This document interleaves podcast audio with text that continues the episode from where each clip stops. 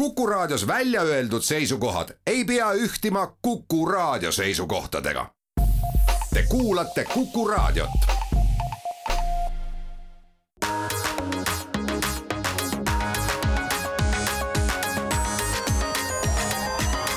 digitund tere hommikust, head Kuku raadio kuulajad, on esmaspäev, seitsmes november ja Digitund alustab siit. stuudios on Mait Tafenau, Indrek Vaheoja ja Andrus Raudsalu. Ja möödunud nädalal äh, toimus äh, palju põnevat, äh, lansseeriti ähm, siis nutikodu operatsioonisüsteem või õigemini siis standard Matter, noh, loomulikult Elon Musk möllas Twitteris ja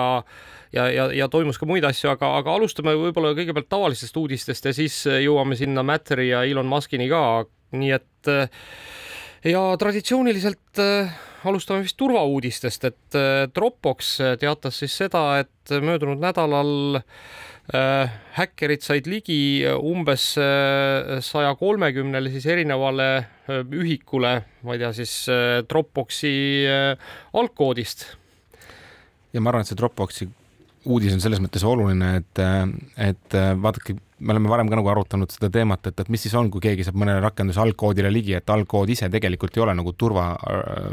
noh, risk otseselt selles mõttes, et ta ei saa teie andmetele ligi ja Dropbox ei ole selle tõttu nüüd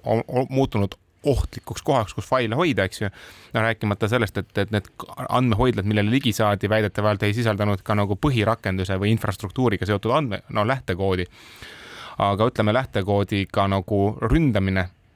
on kindlasti nagu kergem kui see, et ma ei tea, mis sul seal kastis toimub, et noh, et kui sa pead ise avastama, mis seal võiks olla ja teoreetiliselt välja mõtlema, et äkki nad kasutavad siin seda, kus võiks olla selline turvarisk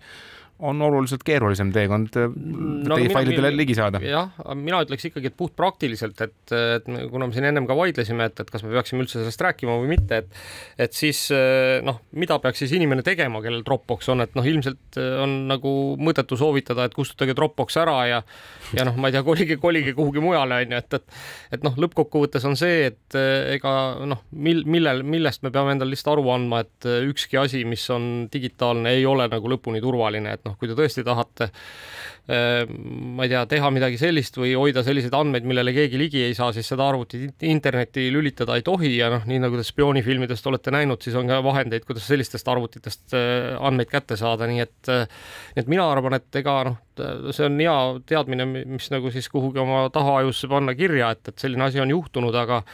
aga noh, tõenäoliselt ega sellest nagu praktiliselt igapäevaelus mitte midagi ei muutu. sa tahad öelda siis, sorry, et, et ma oma paroole ära vahetama ei pea ja oma poolikuid musafaile ära kustutama sealt ei pea, et võin rahumeeles edasi minna? Paro-, paro-, paroole kindlasti ei pea vahetama, et, et see, millele ligi saadi, ei olnud ju kuidagi seotud ei kasutaja andmetega, noh, ei siis, ei siis nii-öelda ligipääsu andmetega ega ka nende kasutaja salvestatud andmetega, vaid tegelikult hoopis sellega, et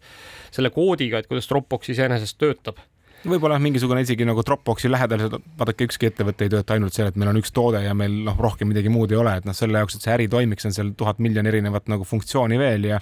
võib-olla see lähtekood, mille ligi saadi, puudutas üldse hoopis raamatupidamist, et ega me tegelikult ei tea, millisele osale ligi saadi, seda ju ei öeldud. ja seda ei öelda ka, ma arvan ja kuigi mul tekkis küsimus, et palju meil üldse Dropboxi täna kasutatakse, et on Dropboxil ju meeletu hulk alternatiive tänaseks tekkinud, et toona, kui ta välja tuli, ta oli üks esimesi ja üks paremini toetavaid faili jagamise no, meeletu hulk on nüüd muidugi nagu natukene ikkagi meelevaldne, et, et noh, pehmelt öeldes sa võid isegi ise endale koju püsti panna mingi own cloud'i ja, ja rääkimata sellest, et sul Google'ist tuleb tõenäoliselt, sul on Apple'ilt tuleb, sul on Microsoftilt, eks ju. nojah, aga nüüd tulebki Google, Apple, Microsoft. ja ongi kõik no mina ütleksin, et ma näiteks koju võid panna endale, OwnCloud on üks levinud vabavaraline faili ütleme sünkroniseerimise platvorm. see, okei okay,, Mait, see on juba nagu seda, seda, ma saan aru, et sulle meeldib selliste asjadega tegeleda. mina seda küll endale koju meie lihtsate inimestena pigem nagu loodame mõnele teisele, kes on selle üles pannud. ja mis nagu on õige, ega ma usun, meil kuulajate hulgas on mõlemaid, eks ju, neid, kes tahavad valmis asju ja neid, kes tahavad ise meisterdada, eks ju, ja noh, kõigile midagi, et ise peate otsustama, et meie siin kindlasti ei tahaks öelda, et lõplik tõde seisneb selles.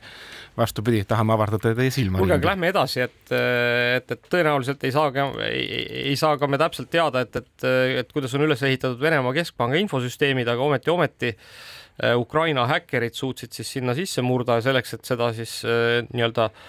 et olla, olla ka kindlad, et nad seda tõesti teinud on, siis äh, ka esimesed kakskümmend seitse tuhat faili on siis äh, legitatud. kaks koma viiskümmend kaheksa giga on äh, see, ütleme, arhiiv kokku pandud, selle võid endale arhiiv või selle internetist alla laadida ja hakata ise siis analüüsima, et mismoodi venelased siis oma andmeid kasutavad. kas tegu on nagu järgmiste Panama paberitega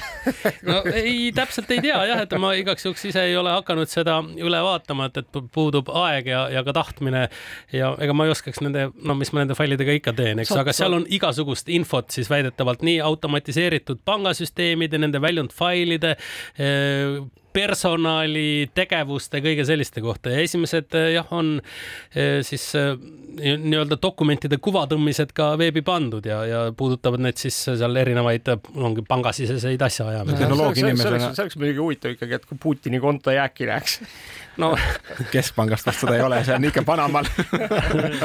aga ma arvan, et selliste andmelekete jaoks on kindlasti nagu ajakirjanike jaoks üks paremaid aegu üldse, sest noh, kujuta ette, kui sa oleks kakskümmend aastat tagasi saanud sellise koguse materjali, et kuidas sa seda läbi töötad, aga tänasel ajastul, kui on nagu nii palju erinevaid tehnoloogiaid, millega on võimalik neid andmeid analüüsida, siis ma usun, et neid uudiseid, mis sellise lekke peale järgneb, noh, kujuta ette, sulle antakse meeletult datat, kuidas sa selle mhm. pärlid sealt üles leiad, et mina, mina loodan ikkagi, et keegi teeb ära selle ajakirjandusliku uurimistöö ja võib-olla on sealt kuidagi võimalik üles leida need ettevõtted, kes on siis noh, kellele on tehtud ülekandeid, kes asuvad siin meie, meie nagu pool maakera ja kes on siis või võib-olla siin mingitele Venemaa ettevõtetele müünud neid asju, mida sinna müüa ei tohiks, et, et kui need välja tuleksid, oleks küll väga tore. Ja, ja aga lähme järgmise uudise juurde, et me rääkisime mõni aeg tagasi, et kõigil oli rõõmusõnum, et kui teil kodus internet ei levi, siis võtke Starlink, kasutage üle satelliidi ja kõik on väga äge aga, aga nüüd on seoses nagu väga populaarse nagu äh, siis populaarseks saanud interneti siis teenusega tekkinud ka selline olukord nagu mobiiltelefonidegi side puhul, et noh, teatavasti igal pool on ikkagi piirid ees, et kui palju sellest torust läbi mahub. et Starlink on siis rakendamas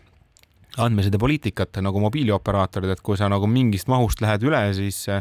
siis ütleme niimoodi, et internetiühendusel on olemas niisugune asi nagu prioritiseerimine. et kas sa oled selle prioriteetsema liini peal, kes saab kiiresti asjad kätte või sa oled selle peale, et noh, et kui ressurss on vaba, siis me anname sulle ka. et kui sa ikkagi nagu väga suur hulk andmeid igapäevaselt seal pealt läbi lased, siis näiteks võidakse... droonipilte, eks ju, üles-alla no ma arvan, et see nagu veel väikene, aga oletame, et sa tegeled näiteks, ma ei tea, mingi suuremahuliste failide edastamisega tihtipeale. no aga et... ma ei tea, kas laivis selline suur, suur pilt on, ma arvan, et on päris korralik ja see, kui noh, võimaldab ikkagi zoom imist äh, päris, päris väikeste detailideni. droonipilt selles mõttes, et mitu minutit sa seda drooni lennutad, onju, et noh, ma ei tea, paremad droonid lendavad Paar, tunde. mitmeid tunde, eks ju. no see on juba militaarmaailma läheme. no see, see, sellest ei tulegi, eks aga see ei puuduta nagu ärikliente, et me räägime ikkagi erakliendist, et kodukliendist, et ärikliendiga on teine asi, seal garanteeritakse sulle ja see ei ole võib-olla probleem sellises mahus, aga kui me räägime nagu kodusest mahust, siis räägitakse, et rohkem kui üks terabait andmeid, et ka isegi, isegi militaardrooni puhul terabait pildimaterjal on ikka päris suur, aga kui me räägime näiteks ma ei tea, HDR filmist, eks ju, noh, mis on high-tech kvaliteediga, sa tegeled selliste mahtudega nagu need faili edasi-tagasi tõsta ja oled metsamajakeses ja mõtled, et siin on nii hea rahulik linnulaulu saatel seda faili liigutada, siis võib juhtuda, et ühel hetkel lihtsalt selle data liigutamine võtab oluliselt rohkem aega. kummaline on lihtsalt, ma lugesin ka seda The Verge'i uudist, et seal on kirjas siis ka, et eks ole, hommikul kella seitsmest kuni siis äh, öösel kella üheteistkümneni on see nagu aeg, et aga, aga seda, millise ajatsooni järgi see mõõtmine käib, seda nagu öeldud ei ole, sest et et noh, et me teame ju, Starlink on üle maailma erinevates ajatsoonides. aga noh, nojah, aga ega see on, vaata, me näeme, me hakkame kõiki niisuguseid asju nägema, eks, et, et noh, praegu, praegu juba Ukraina, eks, praktiseerib seda, et noh, mine tea, eks külmade ilmade saabudes võib-olla on meil ka niimoodi, et elektrit saab ka nagu hommikul kella või õigemini on soovitatav, soovitatav kasutada mitte hommikul kella kuuest õhtul kella üheteistkümnest. aga see on ju olnud kogu aeg, elektripakett ööpakett on meil olnud ju turul lihtsalt kakskümmend aastat vähemalt või rohkem. ei no aga nüüd tuleb edasi lihtsalt prioritiseeritud pakett, et, et siis kas sul on, saa. Nagu võib-olla, võib-olla ei saa nii palju, kui vaja on jah, jah, ütleme siin. kuulge, aga, aga sellest, sellest. endiselt me räägime asjast, mis vaata on alles tulemas, et. sellest, sellest, sellest muuseas äh, mõttest on väga hea edasi minna ka järgmise asjani, et noh, nüüd siis kõik need, kes on lootnud, et äh, ühel hetkel oma kodus nautida 8K telepilti, siis äh, peavad kiirustama, sellepärast et Euroopa Liit siis alates märtsist noh, ütleme, et ei saa küll öelda niimoodi, et keelaks ära 8K telepildiga telekad, aga pigem siis hakkab piirama seda, kui palju televiisor võib energiat tarbida, ehk me jõuame sellesama energiatarbimise äh, mõistlikkuse ja reeglite juurde ja, ja, ja, ja, ja noh, ütleme, et äh, enamus 8K või õigemini vist praktiliselt kõik 8K telekad, mis täna müügil on, paraku nende Euroopa Liidu standardite sisse ei mahu, ehk seal on siis ette nähtud, kui palju siis vastavalt telekas oma siis selle ekraani suuruse tollide arvule võib energiat tarbida ja, ja, ja paraku ei ole vist täna ühtegi 8K telekat, mis, mis sinna äh, siis sobiks. Vist on natukene tavaline ka, et alguses turule tulnud seade võtab ikka nagu rohkem energiat kui siis, kui ta on juba mõnda aega turul olnud ja, ja mina arvan, et see on nagu tolmuimejatega, kus mõni aeg tagasi räägiti, et hea tolmuimeja võiks ikkagi võtta nagu mitu korda vähem elektrit. no ja ka tootjad ise ütlevad, et siin nende telekatega läheb ka ikkagi skeemitamiseks, et vaikides lülitatakse sisse siis ökorežiim, mis võtab vähem äh, nagu voolu ja siis, kui sa selle teleka endale koju ära tood, siis sa saad ise sisse lülitada siis selle nii-öelda päris töörežiimi see, see, see, see on nagu tõuksidega, eks, et muidu sõidavad kakskümmend viis kilomeetrit tunnis, aga noh, et siis kui. aga noh, seal ei pea nagu häkkima otseselt, eks ole, vaid et äh, on võimalik see lihtsalt sisse lülitada ja siis lasta, lasta lasta siis eh, noh, kõik need nõuded pikalt üle. ja siinkohal muuseas tuleb öelda seda, et, et, et tuleb hoida silmad lahti, et, et mitte ainult ei puuduta see 8K televiisoreid, vaid ka ägedamaid 4K televiisoreid, sellepärast et noh, enamasti on ikkagi see, et mida rohkem võimalusi selles televiisoris on, seda rohkem ta energiat tarbib nii et äh, ei kutsu me üles energiat raiskama, mõelge ise, mis te teete selle uudisega, meie läheme siitkohalt reklaamipausile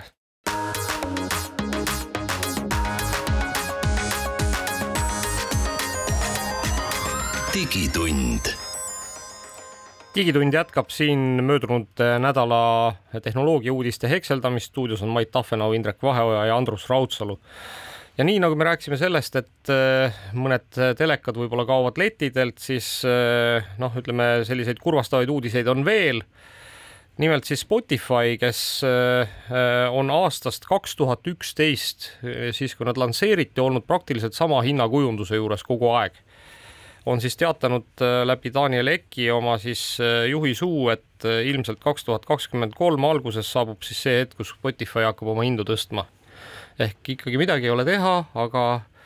ülemaailmne kriis jõuab igale poole. aga ma loodan, et see mõjutab ka tegelikult muusikute rahakotti, et sealt tuleb ka rohkem tulu muusikutele. no mine tea, võib-olla see läheb, võib-olla see läheb hoopis serverite energiakulude katteks jah, who knows, eks ju, aga positiivsest küljest võiks öelda, et kui teil tundub liiga kallis, siis on turule tulemas ka mitmeid uusi võimalusi. no näiteks no TikTok on lubanud äh, siin, et äh, tuleb selline asi nagu TikTok Music, mis siis äh, noh, valmistab nii, ma arvan, Spotify'le kui ka siis Apple'ile kui ka ma ei tea, kellele veel ikkagi väga kõvasti pahameelt, seepärast et sellega noh, tullakse siis sellele muusikaturule, kus TikTok nagunii on, sest et no teada on see, et kui lugu läheb TikTokis viraalseks, kasvavad kõik müügid igal pool mujal ka jah, noh, nüüd tuleb muidugi tõele au anda, et, et ütleme, et veel seda TikTok muusikat turul ei ole ja see on pigem äh, on avastatud siis see, et TikTok on erinevaid äh, kaubamärke endale registreerinud. Music.tiktok.com on siis selline lehekülg olemas. ja TikTokil ka täna tegelikult on olemas juba üks äh, muusika striimimise teenus, mis noh, meie turul küll ei ole kättesaadav, et minu andmetel vist on olemas ainult Indias, Brasiilias ja Indoneesias, aga aga noh, ütleme, et äh, eks me siis saame näha, et kas need Tiktoki algoritmid suudavad meile nagu paremat muusikat ette sööta kui, kui senised äh, Spotify või, või Apple'i algoritmid. no seal on, on just seesama, mis Mait ennem ütles Spotify kohta, et äh, siis muusikutele ja siis noh, fonogrammi omanikule on siis väidetavalt seesama mm, peaks olema niimoodi et, et sada protsenti siis royaltitest makstakse esimene aasta muusikutele või siis noh, ütleme esitajatele ja siis järgmine aasta üheksakümmend protsenti, et, et esimese aasta tulu peaks tulema siis ikkagi muusikaloojale. kusjuures minu arust üks oluline asi, mida TikToki juures mainida võib-olla, et me küll teame neid videoplatvormina, eks ju, aga mina olen kodus lapse pealt täheldanud, et TikTok on selline nagu pehmelt öeldes ka muusikavaldkonna influencer, et laps on avastanud artiste, keda ma mõtlen, et kust sa tead või miks sa seda kuulad. ja ütleb, et ma ei tea, Tiktokis lugude taustale pannakse pidevalt seda lugu ja teist lugu, talle on meeldima hakanud ja on kuulanud mingeid artiste, keda. tänapäeval mõtlesin... ikkagi saada enda lugu tõeliselt viraalseks üle maailma, oma muusika ei ja. ole võimalik ilma Tiktokita, sest et sealt nende trendide pealt äh, kõik toimubki. absoluutselt absoluutselt, mul noor laps on avastanud, et Queen on väga lahe, Michael Jackson, ma küsin, kus sa üldse kuulad, mina mõtlesin, et noored kuulavad hoopis teisi artiste, aga ütleb, näed, Tiktokis on, pannakse taustaks ja. no seesama Kate Bushi ja, ja Stranger Thingsi asi ja see on kõik puhtalt Tiktoki pealt, eks. just, aga veel on tulemas platvorm. ja, aga rääkis, ei no ütleme selles mõttes rääkides jah, nendest siis algoritmidest, mis muusikat soovitavad, siis Amazon Prime on siis päris äh, huvitava otsuse teinud, et Amazon Prime hakkab siis samamoodi muusikateenust pakkuma aga nüüd äh, ja nende kataloogis on muuseas sada miljonit äh, lugu, noh, mis on ikkagi väga aukartust äratav kataloog, noh, ma mäletan, et kunagi see võitlus käis, et kellel oli nelikümmend miljonit ja kellel oli viiskümmend miljonit, ma arvan, et täna nad kõik seal umbes seal saja miljoni juures ka nagu siis tõenäoliselt äh, pluss-miinus siia-sinna on. aga nüüd seal on üks siis selline väikene knihv selle Amazoni muusika juures. On nimelt see, et seda on võimalik kuulata ainult siis shuffle režiim, režiimis. Ehk Amazon, Amazon ise otsustab, mida te siis kuulama hakkate robot otsustab no.. huvitav, kas sellest. see on nagu raadio, keerad lahti ja tuleb. sellest on võimalik ka siis mingi eraldi eh, premium paketiga lahti saada, et, et kui sa maksad rohkem, siis sa pääsed sellest shuffle'ist ära, saad ise valima. ei tea, aga ma, ma arvan, et siin on nagu Netflixile ikkagi üks hea mõte, et kuidas teha hästi odav pakett, et, et Netflix ise otsustab, mida sa vaatama hakkad parasjagu onju. paned käima ja siis visatakse sulle mingi. kõigest neli üheksakümmend üheksa ja vaatad seda, mida on. aga klassikaline televisioon on kogu aeg ju selline olnud, vaatad seda, mis on, keegi on selle programmi kokku pannud. no ja ega neid programme panevad teadjad inimesed kokku, et ma arvan, et paljud inimesed ongi selle shuffle'i üle ka väga õnnelikud, sest et ega see valik, mida nüüd kuulama hakata või mida vaatama hakata, ega see ei ole ka kerge teha. see on ikka see on ikka päris niisugune tüütu, tüütu tegemine. sa ei tahagi tegelikult valida ausalt öeldes ja kas te mäletate, Apple'il oli kunagi üks kummaline seade iPod Shuffle, eks ju, mille kohta on hiljemgi palju hambaid teritatud ja öeldud, et noh, et milleks see seade üldse vajalik oli ja kas see oli kõige mõttetum seade terves ajaloos. aga lähenemine oli sama. müüginumbrid äh, nagu ei näidanud, et oleks kõige mõttetum olnud, eks ju. jah, et tegelikult vaata, inimesed võib-olla ei tahagi valida tõesti, et pane peale ja valida oma teema ja läks. ja, aga muusikamaailmast veel üks selline noh, ma loodan, et, et see nüüd väga kanda ei kinnita, kuigi noh, arvestades seda, et meie mahud ju, andmemahud näete isegi Starlinkiks piirab, on ju oma kasutust ja nii edasi, et et andmemahtusid üritatakse vähendada, siis Meta on äh, teinud sellise tehnilise arenduse, kus, mis võimaldab siis äh, tehisintellekti kasutades äh, kokku pakkida audiostriimi siis niimoodi, et, et ta on umbes kümme korda väiksem kui siis MP3 ehk, ehk noh, siis ütleme, et eh, noh, praktiliselt siis mingit tühist nagu alla kümne kilobaidi on siis selle striimi nagu noh, nii-öelda suurus alla kümne kilobaidi sekundis ja, ja, ja noh, ma ei tea, ma loodan, et ma loodan, et see tegelikult äh, kuhugi nagu turule ei tule, kuigi ma kardan, et tuleb. no sellega on veel aega, et, et äh, see kogu asi on veel alles katsetamise faasis, aga no, no ise väidavad, et seal käib selline mitmekordne kompresseerimine ja, ja, ja tagasi dekodeerimine ja nii edasi, nii edasi, neid selliseid keerulisi sõnu võib siin mitmeid öelda, et, et noh, väidavad nad ise siis, et, et loomulikult, et helis midagi kaduma ei lähe, seda väideti alguses MP3-e kohta ju ka, et, et ega seal midagi kaduma ei lähe, aga nagu noh, me teame, et see tegelikult päris nii ju ei olnud. teate, aga mul on mingi teooria, miks ma arvan, et teie skeptitsism on nagu põhjendatud, et vaadake, kui me räägime nagu ai parandatud pildist, eks ju, siis pildi puhul tegelikult me ikkagi nagu päris palju anname andeks, meie aju suudab väga palju kompresseerida kom kompenseerida neid asju, kus sa nagu noh, midagi ei vajaka ja nii edasi aga kui on kunagi küsitud inimestelt, et mis te arvate, et, et kas telekas on tähtsam pilt või heli, siis siis isegi kui sa arvad, et pilt on jube tähtis, siis tegelikult on see heli, sest heli me tajume kõige täiega ja kui seal midagi hakkab kuskilt häirima, siis häirib sind ikka nagu väga, sest sa ei saa mitte vaadata sinna punkti, sa kuuled seda niikuinii, eks ju. ja kui seal on tõesti mingi ebakõla, siis see paneb sul pea valutama mulle, mulle muidugi tundub, et võib-olla ühel hetkel jõuame noh, nii nagu me oleme Google'i telefoni, telefonides jõudnud sinnani, et et pilti ei tee mitte kaamera, vaid telefon joonistab selle pildi siis äh, kaamera sisendi alusel. et võib-olla siis ühel hetkel on ka niimoodi, et, et kuulad muusikat ja noh, isegi kui on nagu noh, noh, ma mõtlen halvasti komponeeritud muusika, et siis äh, Meta ai teeb selle nagu paremaks. ai hakkab sinu enda jaoks parandama või kui sul on näiteks ütleme niimoodi, et äh, mõne artisti noh, ütleme varasem kataloog meeldib rohkem, et produtsent, kes siis toimetas, meeldis sulle rohkem rohkem, siis sa võid hakata lihtsalt äh, ai hakkab sulle genereerima täpselt selle teistsuguse helikeelega asja. Mm.. no vaatame, milline see ai tuleb, aga, aga lihtsalt võib-olla paralleeliks kõrvale ka, et, et mul on olnud nii kõrvaklappe kui erinevaid autosid, eks ju, ajas. Ja ma ütleks, et neil kõigil on olemas olnud, mitte kõigil, aga paljudel mingisugune programm, mis siis silub kuidagi seda heli, mida te kuulete, kas siis keerab basse juurde? Ja nende kõigiga on alati olnud mingid kummalised probleemid, et näiteks elektroonilist muusikat kuulates need töötavad väga hästi aga nii kui sa kuulad nagu rokki, äh, võib-olla lähed hoopis klassikalisse, hakkab keerama niisugused vigurid sisse või veel hullem mäletan, mul ühel autol oli siuke probleem, et kui podcast'e kuulasin, siis suvalised laused hakati niimoodi põrisemaks ajama, et mul oleks täitsa nagu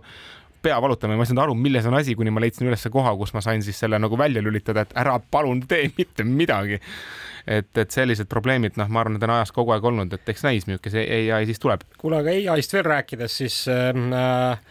OpenAI, kes on siis äh, kuulsa äh, isejoonistaja DALL-i äh, autor, siis on teatanud, et nüüd on siis testimisse antud ka DALL-i API ehk siis äh, interface, mille läbi siis noh, ma ei tea, erinevad tarkvaraarendajad saavad siis äh, DAL-i oma äh, tarkvara külge ühendada ja, ja, ja panna siis äh, ta seal juures ka siis asju joonistama, et teada juba on, et Microsoft on öelnud, et kindlasti nad kavatsevad seda oma äh, toodetes kasutama hakata ja Shutterstock, noh siis maailma suurim äh, foto, pild, mhm. pildipank ja, ja, ja jah, ja äh, samamoodi siis hakkab ai-d kasutama, nii et no, päris huvitav. ma vaatasin sinna kõrvale ka nagu seda spetsifikatsiooni, mida lubatakse, et, et need tegelikult on esialgu veel üsna pisikesed pildid, mida sa sealtkaudu pärida saad ja nad on küllalt kallid et seal oli kolm mõõtu, mis oli välja öeldud, et kakssada viiskümmend korda kakssada viiskümmend pikslit, eks ju, mis on noh, ma ei kujuta ette, arvutile ikooni saad genereerida noh, viissada kaksteist korda viissada kaksteist on ka sihuke kummaline ruudukene ja siis ütleme natukenegi tõsisem oli see tuhat kakskümmend neli korda tuhat kakskümmend neli, mis maksab kaks senti tükk. kaks senti, kujuta ette, kui noh, kui sa tahad natukenegi pilte genereerida, eks ju, et see võib-olla üks ei ole kallis.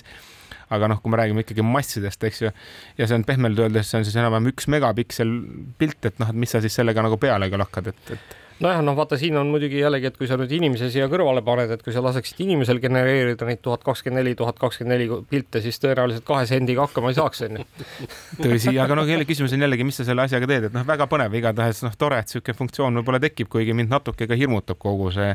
masina genereeritud piltide tulem, eriti kui ma vaatan, mis, mis võimsad tulemused seal on, et, et kui hästi ta fake ib kõike ja ja tegelikkuse ja, ja fake maailma nagu vahel see pilt ikka hägustab väga kõvasti ja aga nüüd äh, võib-olla viimane selline tehisintellekti uudis veel siia otsa on see, et äh, Google siis teatas, et äh, et nad hakkavad ehitama uut, siis täiesti uut suurt siis tehisintellektil põhinevat keelemudelit, mis siis suudab toetada maailma tuhandet enim räägitud keelt ja noh, siis tegelikult on Google sellest rääkinud ka natuke varem, eks, et, et nad hakkavad toetama ka neid keeli, mida noh, millel, millel puudub nagu nii-öelda kirjalik jälg, mida noh, ütleme, et tänapäeva mõistes on natuke raske võib-olla siis äh, digiteerida või, või, või, või millega on raske õpetada seda tehisintellekti, nii et äh, ütleme, et me ikkagi jõuame, ma arvan, üsna varsti sinnani, kus äh, tõepoolest äh, noh, pannakse meile väikene see babelfish äh, kõrva, kõrva ja, ja, ja noh. ja räägi mis keelt tahes. jah, sõltumata sellest, mis keelt sa räägid, aga siis äh, suudab sulle see tehisintellekt selle sinu oma emakeeles ette kanda. aga läheme siitkohalt reklaamipausile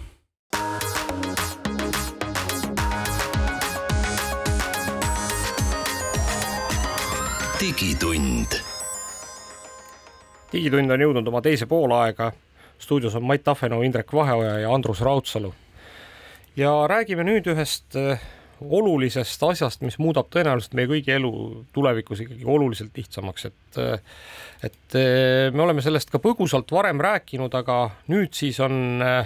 esmakordselt maailmas olemas ka reaalsed lahendused, mis toimivad, noh, ütleme, et kuhu saab ka sisse logida juba, siis sellisel asjal nagu Passkey ja seda Baskid on teil võimalik nüüd samal ajal, kui me räägime sellest ka katsetada, et kui te olete arvuti juures, on niisugune lehekülg nagu baskis.io, et kui te olete tehnoloogiahuviline ja tahate näha, mismoodi näeb välja siis paroolita konto loomine ja paroolita sisse logimine,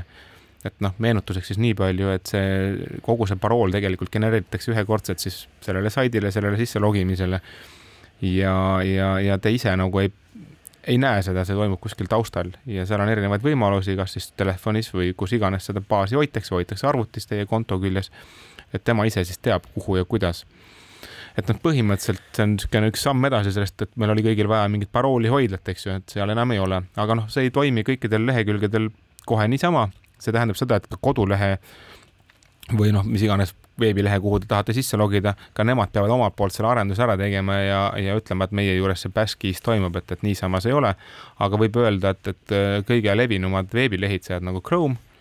siis Microsoftilt kaasas on ka Edge, ma ei tea küll, kes seda kasutavad, aga siiski on kindlasti neid, kes kasutavad. Need, kes on väga edge'id. jah, ja Maci peal Safari on toetatud ja samamoodi ka no telefonidel, et telefonidel olev siis Safari ja Chrome samuti toetavad, et et, et võite minna katsetama. no sisuliselt, kui nüüd nagu paari sõnaga kuulajatele ära seletada, et mis asi see siis on, et ma üritan noh, nii nagu teil noh, ütleme, et iga ukse jaoks on võti, eks, või noh, mingisugune füüsiline asi taskus, et noh, nüüd selleks võtmeks siis äh, teie saitidele muutub tegelikult teie taskus olev füüsiline telefon äh, ja, ja noh, ütleme, et kuna kõikidel telefonidel on olemas ka võimalus, eks kuidagi siis äh, nii-öelda teha veel teisest auto, autoriseerimist, noh, kas siis läbi teie sõrmejälje, näo või mis muu asja äratundmise või siis küsida mingisugust PIN-koodi, siis, eh, siis tegelikult see, et, et te lähete mõnele saidile ja siis see sait eeldab, et teil on see telefon taskus, te võtate selle telefoni välja, vaatate talle otsa või panete oma sõrmejälje või mis iganes ja saategi sinna saidile sisse ja noh, see on eh, kindlasti palju turvalisem kui see, et kui kasutada noh, salasõna üks, kaks, kolm, neli, viis, kuus või, või noh, mis iganes, eks need populaarsemad salasõnad on, et need on ju kõik teada. password üks, kaks, kolm. jah, just et, et, et ja, ja, ja põhimõtteliselt noh, ütleme, et loomulikult on võimalik seda ka noh, nii nagu igasugust turvametoodikat lahti muukida, eks, et noh, kui keegi paneb teie telefoni pihta ja noh, varastab ka teie sõrmejälje, siis on ikkagi võimalik sisse saada, eks nendele saitidele. aga Mait, muuseas, mis, mis peaks tegema sellisel juhul, kui sinu nii-öelda passkey enabled telefon pihta pannakse? no ma arvan, et seal ei olegi nagu mitte midagi otseselt nagu vaja teha, selles mõttes, et sa pead sinna kõigepealt telefoni ju sisse murdma ja, ja, ja sealt edasi saama, et, et halb, halb lugu ongi siis, Andres, kui varastatakse telefoni ja su sõrm korraga ära, et, et siis on nagu probleem, probleem, rohkem, et muidu ja. ei ole nii hull. aga aga noh, ma ütleks võib-olla ühe täpsustuse siia juurde, et see Baskis toetab ka nagu tegelikult see standard siiski, eks ju, et toetab nagu erinevaid nagu lähenemisi, et on olemas nii üheseadmeline tuvastus kui mitmeseadmeline tuvastus, et on ka variant selline, et sul ikkagi seda telefoni ei ole, selles mudelis piisab lihtsalt, et sul on arvutis Chrome, eks ju, ja Chrome tegeleb kõige sellega et äh, eks need nagu, ma arvan, need uudised nagu tuleb siia mingil ajal natuke nagu juurde, kui, kui rohkem lehekülge on sellega liidestunud ja me näeme seda päriselt elus praktikas, aga, aga hetkel tundub, et et ma arvan, võtmesõna lihtsalt selles, et teil elu läheb ühest küljest mugavamaks ja teisest küljest oluliselt turvalisemaks, et, et kui ma toon siia ühe niisuguse näite kõrvale, kus on analoogset tehnoloogiat kasutatud, siis kui te oma emaili programmile näiteks tahate parooli täna sisestada, tahate Google'i kontot lugeda mingis emaili programmis, siis väga pikka aega, kui teil natukenegi on turvaseadet Gmailis uuendatud, te ei saa nagu sama parooliga üldse emaili programmi liidestada. et Google genereerib teile ajutise parooli mille te panete sinnasse rakendusse ja see parool kehtib ainult selles rakenduses. ja, ja kohe, kui seal toimub mingi muutus, siis te peate selle uue parooli endale genereerima, et, et, et see põhiparool, mis teilt ära varastati või ütleme vastupidi, kui keegi teie emaili programmist selle parooli ära varastab, siis sellega teie kontole ei saa. et see on niisugune nagu ühekordsed võtmed tekivad sinna mudelisse sisse no nii äh,, väga tore äh,, elu läheb lihtsamaks ja, ja paremaks. räägime veel natuke uudistest, et äh, Netflixist. Netflix on äh, nüüd siis äh, mõnedel valitud turgudel, Eesti nende hulga hetkel veel ei kuulu, välja tulnud oma äh, reklaamiga toetatud siis kõige odavama paketiga ja noh, ausalt öeldes lugedes kõiki neid arvustusi, mis selle kohta praegu tuleb, on ikkagi tegu natukene sellise pooltoore tootega, tundub, et Evet et noh, ütleme, et põhiline, põhiline, põhiline probleem on selles, et keegi, keegi ei tea, kui palju ja millist reklaami peab vaatama. Seal ma lugesin artiklit ka selle kohta, kus siis äh, tehti eksperiment, vaadati erinevaid äh, nii filme kui sarju ja kõikidele mängiti neid reklaame ka vastavalt erinevat moodi, et sealt mingit seaduspära ei olnud, mõnele tootele ei mängitud üldse midagi, mõnele mängiti ette selle ajal ja pärast, nii et, et seal oli täiesti sellisel juhuslikkuse printsiibil tundus asi lahendatud. nii et meie soovitame jätkuvalt äh, Äh, noh, ma ei tea, kui te juba tahate Netflixi kasutada, siis äh, revideerige oma natuke oma rahakotti ja äkki leiate selle vist umbes neli eurot suurema summa või viis eurot ja ostke endale see natukene parema, parema teenuse, teenusetasega reklaamivaba ja muuseas ka kõrgema rahutusvõimega siis äh, teenusepakett. aga lähme siit möödunud nädala võib-olla noh, mõnes mõttes kõige olulisema siis sellise uue uudise juurde, et möödunud nädalal siis lansseeriti Äh, pidulikult äh, Amsterdamis siis selline asi nagu Matter, mis on siis äh, kõikide kodu nutiseadmete omavahelise suhtluse noh, ma ei tea, siis protokoll. ja ma võib-olla isegi teen siia niisugused nagu näited teile juurde, et miks seda Matterit võib-olla vaja on ja mis sellel turul võib-olla varem toimus. Et äh, proovime seda asja niimoodi teha, et võimalikult siis vähetehniliselt, et et lühidalt öeldes tegemist on siis ütleme standardiga, kus siis kõik erinevate tootjate, et kus ostad endale nutika lambipirni, ma ei tea, kellel on teil kodus nutikas lambipirn näiteks? mul mõni on jah. mul on ka. no vot ja nüüd on küsimus, et kuidas te neid juhite täna? mitu rakendust teil on selle jaoks, et ikka mõned nutikaid seadmeid juhtida? vot seal ongi, seal on, ütleme, ütleme, ütleme, et noh, jah, et, et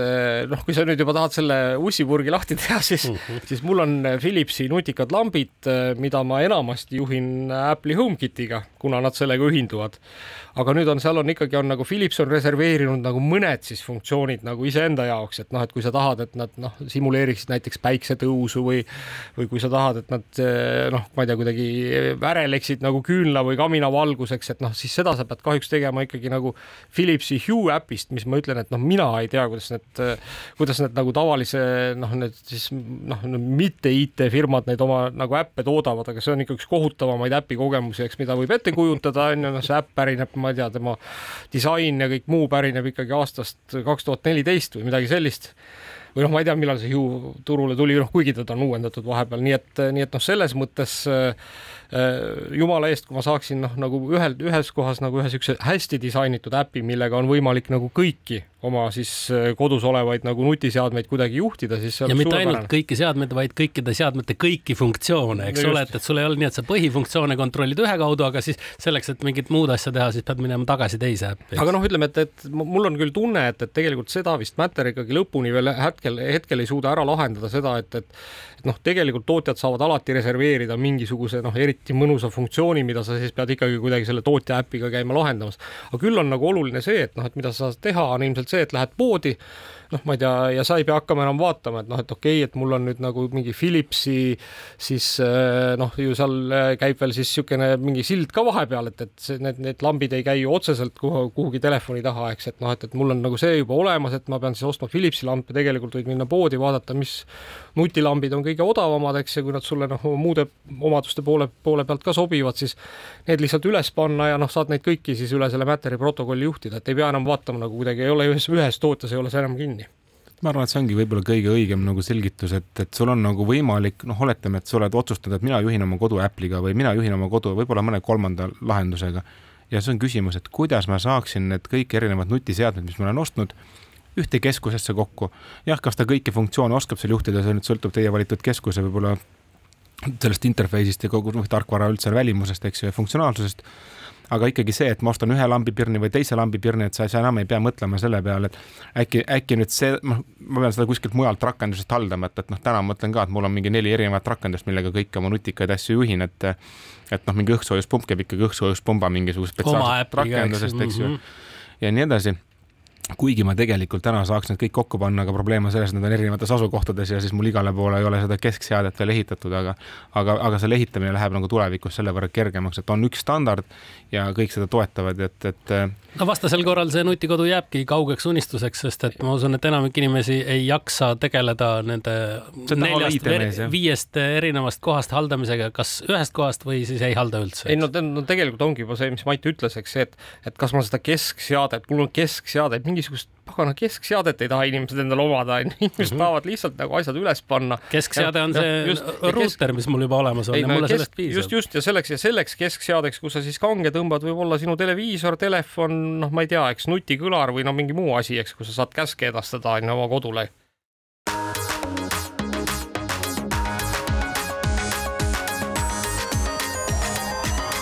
digitund digitunni viimane veerand on teiega, Mait Tafenau, Indrek Vaheoja ja Andrus Raudsalu jätkavad siit äh, kodu äh, automatiseerimise tarkvara Matteri äh, lahkamist.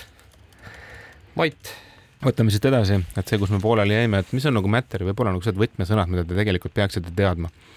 et kui täna oli väga levinud see, et ostsid endale lambipirni, siis see lambipirn näiteks ühendas valdavalt Wi-Fi-sse ja sealt Wi-Fi-st omakorda mingi Hiina rakend-, serverisse või noh, olgu peale mitte alati Hiina, eks ju, võib-olla ka Euroopa serverisse või Ameerika serverisse. ja siis te telefonis võtsite siis vastava tootja rakenduse ja saite siis nende serveri kaudu seda nagu juhtida.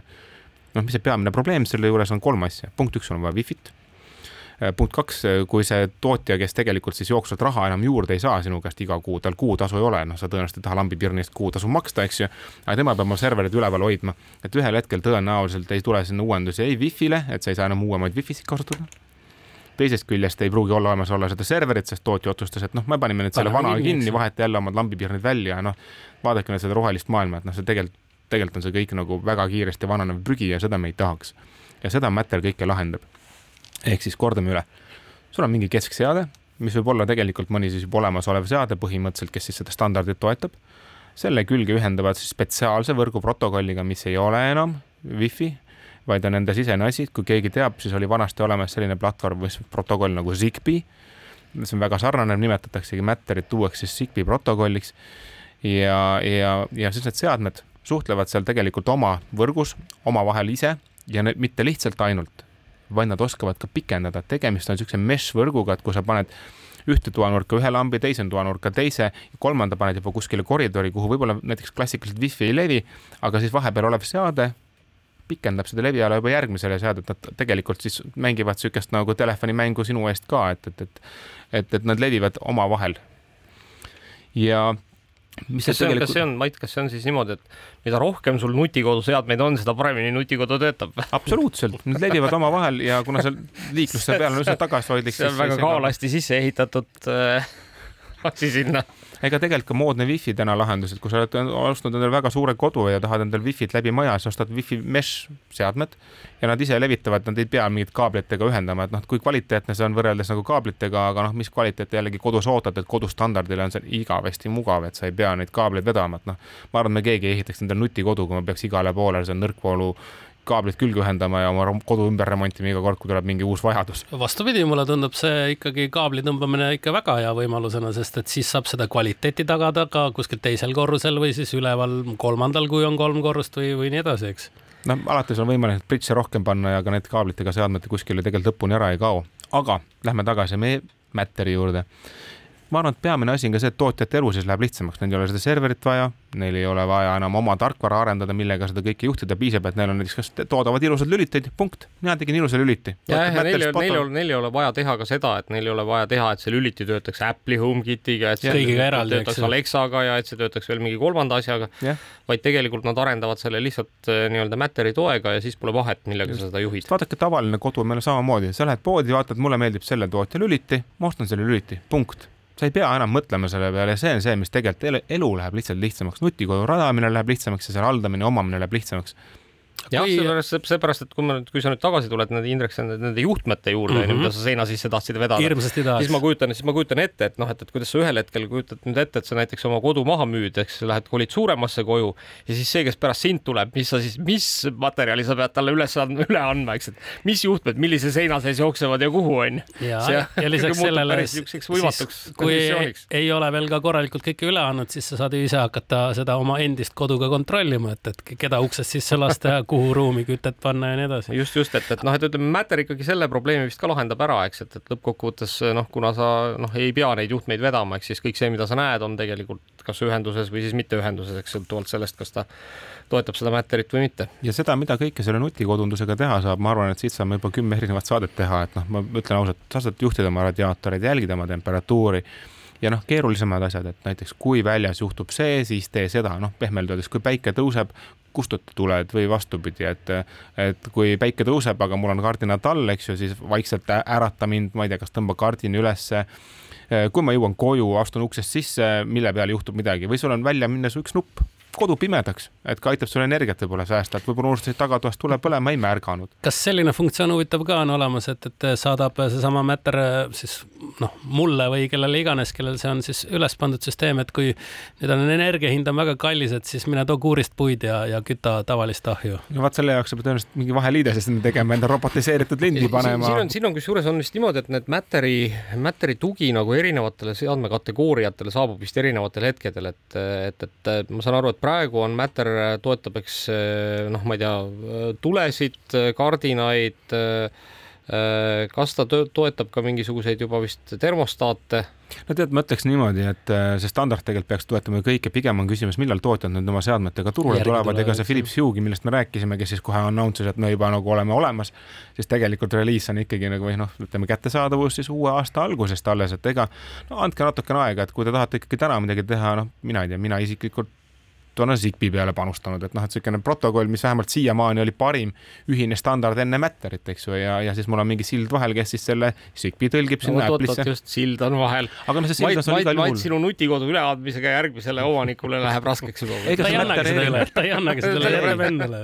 ei, ei, ma arvan, et see Matteriga on tegelikult täpselt samamoodi, et ikka sul on mingi sild vahel, lihtsalt küsimus, et mis see sild olla oskab, eks ju, et, et noh, lihtsalt võib-olla uus Apple TV ostad, on ta sild juba sisse ehitatud, sul ei ole seda vahetükki siin enam täiendavalt vaja, lihtsamaks läheb. Teate okay., aga jätame selle Matteri praegu ja tuleme veel paariks minutiks ka Twitteri ja Elon Musk'i tembutamiste juurde Mät, sest. Matterist Twitterisse. Matterist Twitterisse ja, ja Elon Musk on siis eh, nüüd eh, suured eh, no eelmine nädal me ütlesime, et, et kuulutas välja suured koondamised, aga nüüd on need juba eelmisel nädalal ka läbi eh, saanud ja on inimesed ära koondatud. jah, minu arust oli ikkagi noh, ütleme nii, et, et, et Elon Muskist võib arvata kõike, mida, mida tahes, aga, aga see, et kuidas ta ikkagi suudab nagu härjal sarvist haarata ja kõik asjad ära teha, et vaata tüüpiliselt on ju see, et kui tuleb ettevõttesse uus juht, et siis ta kõigepealt räägib inimestega, teeb selgeks, mis ettevõttes toimub. ettevõttega ja Twitteri koondamine, nii nagu mina olen kuulnud, käis ikkagi väga lihtsalt, et sa said lihtsalt emaili onju, et mille mille pealkiri oli sinu tulevik Twitteris Mm -hmm. ja noh, juhul kui sa said selle oma isikliku emaili peale, siis sa said selle, selle sinna sellepärast, et sinu töö email oli juba kinni pandud. juba suletud ja, aga juba on mõned töötajad, kes siis koondati, saanud ka uue emaili, et, et me läksime natuke liiga hoogu, et teid on ikkagi vaja. et, et on ka juba selliseid näiteid nojah, aga ütleme, et eh, ega noh, mõnes mõttes nüüd eh, päris huvitav oli ka see siis diskussioon, mis eh, internetiavarustes hakkas toimuma selle Twitteri koondamise peale, et et olid ikkagi mingisugused, ilmusid välja ka sellised noh, kuskil väga algusaegadel olnud insenerid, kes ütlesid, et nemad ei saa üldse aru, et miks seal Twitteris nii palju rahvast on ja noh, muuseas ei saa aru ka, miks Facebookis nii palju rahvast on, eks, et, et et noh, olid seal mingisugused härrad, kes väitsid, et noh, Twitteri sarnase teenuse ülalpidamiseks piisaks umbes saja viiekümnest inimesest. noh, ja kui me teame, siis Twitteris oli umbes noh, ma ei tea, natuke alla kaheksa tuhande töötaja vist noh, Facebookist me üldse ei räägiks, seal on mingisugune peaaegu üheksakümmend tuhat töötajat. no Meta on kuulutanud ka välja, et ka neil tulevad koondamised, et seal paar tuhat inimest peab ka hakkama uut töökohta otsima. ja, aga noh, mis on veel siis teada, on ikkagi see, et, et noh, ka siis Twitteri selle tasulise teenuse kohta ehk Twitter Blue kohta käis siis erinevaid kõlakaid, et noh, palju ta siis maksma hakkab, mis temaga juhtub ja nii edasi, aga nüüd siis on vist on enam-vähem kristalliseerunud see, et see hakkab maksma kaheksa dollarit kuus. Ja, ja noh, ütleme, et annab siis selle, et on võimalik saada siis nii-öelda prioriteet enda äh, siis kasutajale igal pool, eks otsingutes ja mujal ja, ja, ja, ja ka siis selles, kuidas teid välja näidatakse ja, ja noh, ütleme, et äh, vaatame siis, kui palju seal neid kasutajaid tuleb, kes tahaksid selle eest maksta. kuule, aga võib-olla teeks korra ühe niisuguse tagasiviske lihtsalt, et miks see Twitter nii tähtis on, palju te kasutate, miks peaks Twitterit kasutama ja, ja kes seal Twitteris käivad? no mina võin öelda enda koha pealt, ma arvan, päris paljud on sama teinud, et ma tegin nüüd, mul oli kunagi varem ka Twitteri kasutada, tegin selle nüüd uuesti aktiivseks puhtalt äh, Vene-Ukraina sõja pärast, sest et sealt saab väga palju materjali kätte, mida muidu, muidu nagu ei saa, et ma ütlen, ütleme niimoodi, et sellist Eesti sisu ei tarbi väga palju. nojah, mina, mina ütleks võib-olla seda, et, et, et Twitter noh, mõnes mõttes on nagu noh, see on küll väga suur lihtsustus on ju ja, ja, ja võib-olla teen ka Twitterile natuke liiga, eks, aga Twitter on nagu noh, üks suur Delfi kommentaarium, mis hõlmab terve internetti, aga ilma Delfi uudisteta, eks, et et, et, et selles mõttes on ta nagu, ongi nagu siis nii-öelda see interneti noh, nii-öelda Äh, noh, ma ei tea, tagatuba või backthread, eks, et, et kus siis inimesed saavad asju kommenteerida, aga mis on oluline, on see, et et mingil põhjusel terves maailmas, mitte ainult äh, Ameerikas, vaid muuseas ka Eestis, on Twitterisse ikkagi kogunenud noh, need inimesed, kellest nagu midagi sõltub selles ühiskonnas, ajakirjanikud, poliitikud ja nii edasi ja see on olnud nende nagu sõnumivahetuskanal, sellepärast on ta oluline mul endal on jäänud tunne see, et ta on lihtsalt niisugune asi, kes on jäänud nagu oma liistude juurde, et kui Facebook on kasvanud nii keeruliseks, seal on nii palju funktsionaalsust ja kõik need reklaamid ja meeletu sisu, et Twitter on ikkagi niisugune nagu noh, puhas üks konkreetne asi kuulge, aga no ma ei tea, sest Twitterist me ilmselt peame järgmine kord veel rääkima ja noh. nädalaga jõuab nii palju juhtuda. ei ole, ei ole ka, ei ole ka mingit kahtlust jah, et, et, et ei ole põhjust rääkida, et me peame täna kahjuks eh, saate ära lõpetama, kuna aeg on otsa saanud. kohtume teiega juba nädala pärast